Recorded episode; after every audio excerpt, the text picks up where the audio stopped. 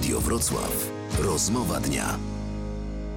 Przemysław Gałecki, dzień dobry, a gościem rozmowy dnia jest Marcin Chludziński, prezes KGHM Polska Miedź. Dzień dobry. Dzień dobry. Przed wakacjami został pan prezesem zarządu spółki. Już się pan przestawił z ubezpieczeń na złoża, bo wcześniej był pan w Radzie Nadzorczej PZU. Pracuję cały czas w Radzie Nadzorczej, a y, pełniłem wcześniej funkcję y, prezesa a- spółki akcyjnej Agencja Rozwoju Przemysłu.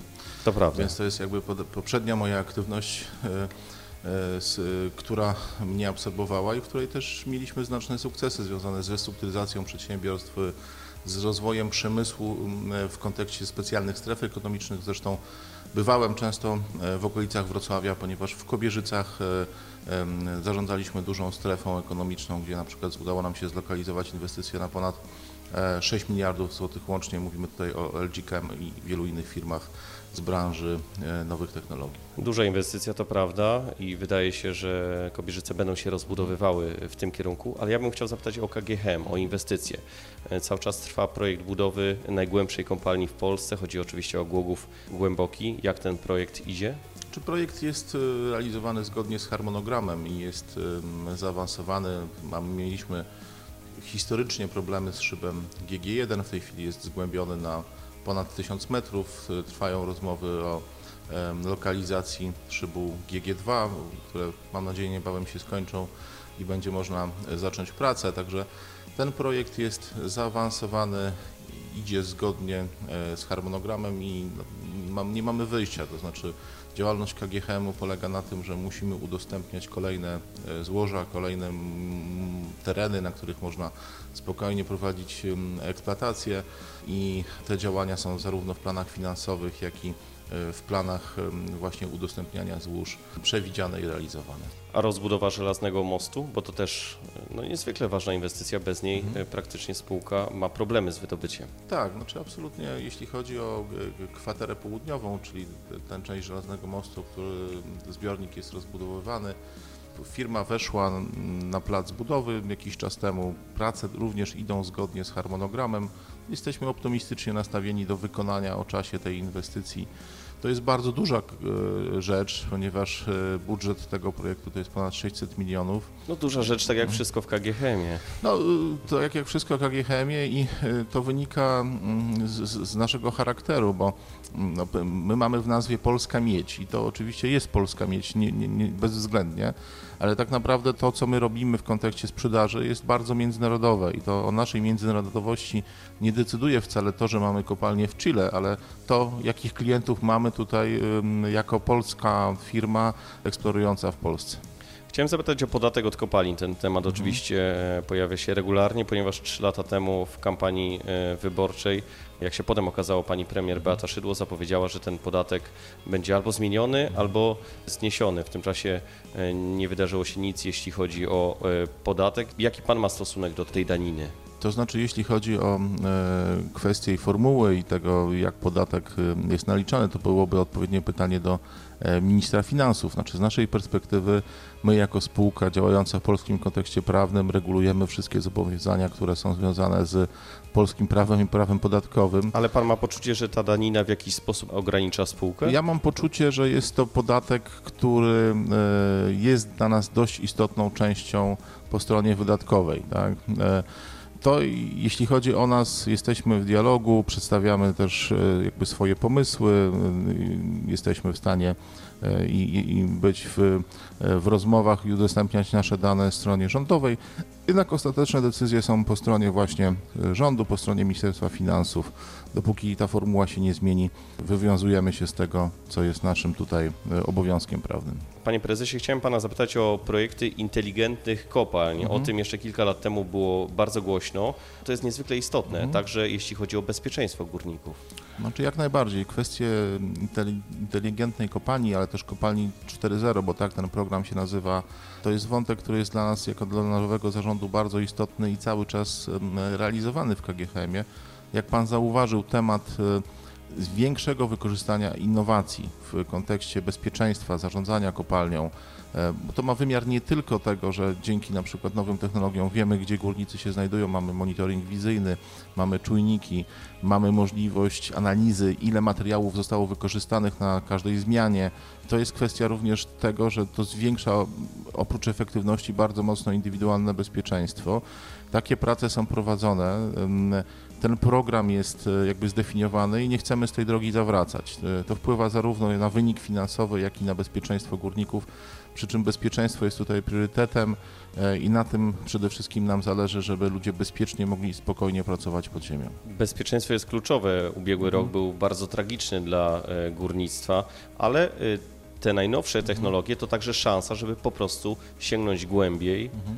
Szansa dla KGHM-u. Znaczy absolutnie, to jeśli chodzi o em, nasze mm, możliwości rozwojowe, to my nie będziemy wydobywać z niższych głębokości, będziemy raczej schodzić głębiej, więc e, rozwiązania innowacyjne z zakresu też automatyki zwiększają bezpieczeństwo indywidualne, ale też powodują możliwość spokojniejszej eksploracji na coraz niższych poziomach i to jest e, bardzo istotne.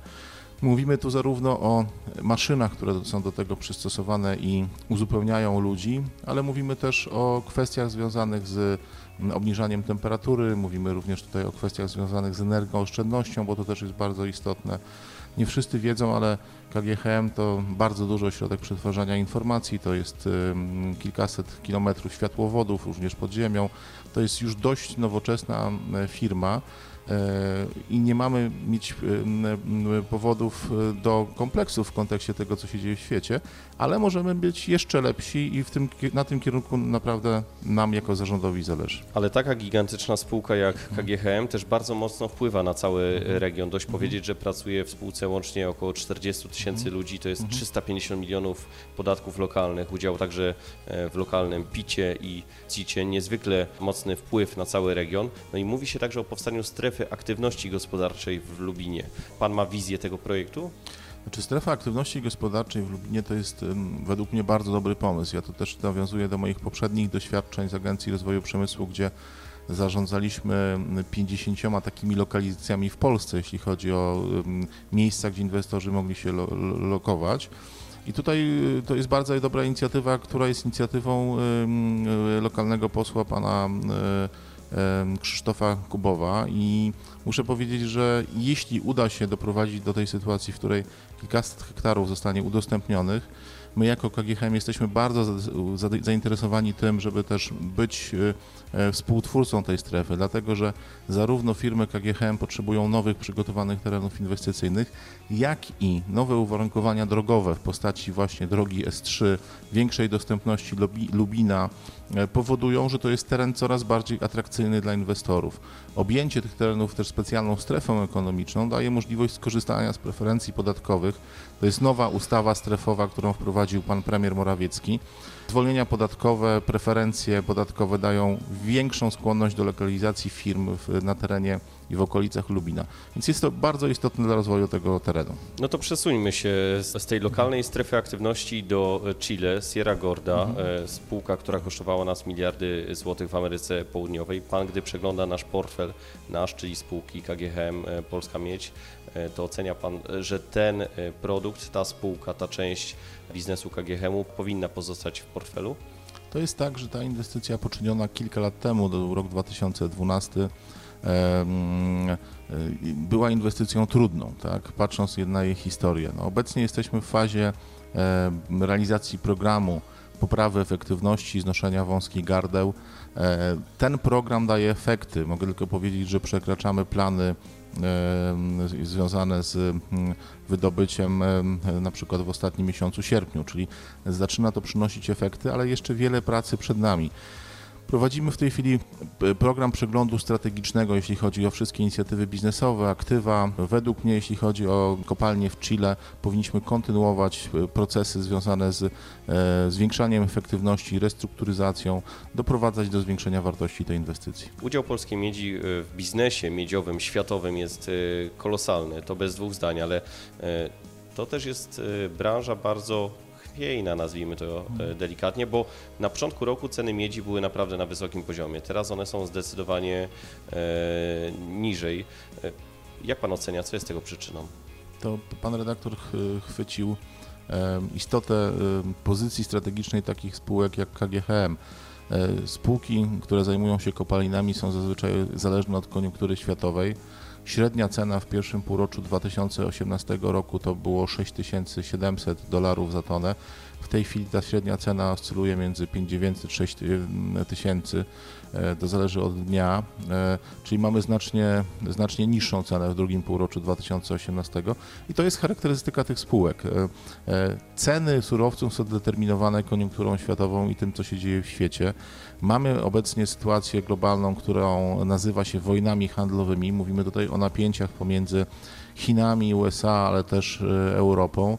Szczególnie wpływają na rynek metali napięcia pomiędzy Chinami a USA, nowe cła, e, nowe opłaty.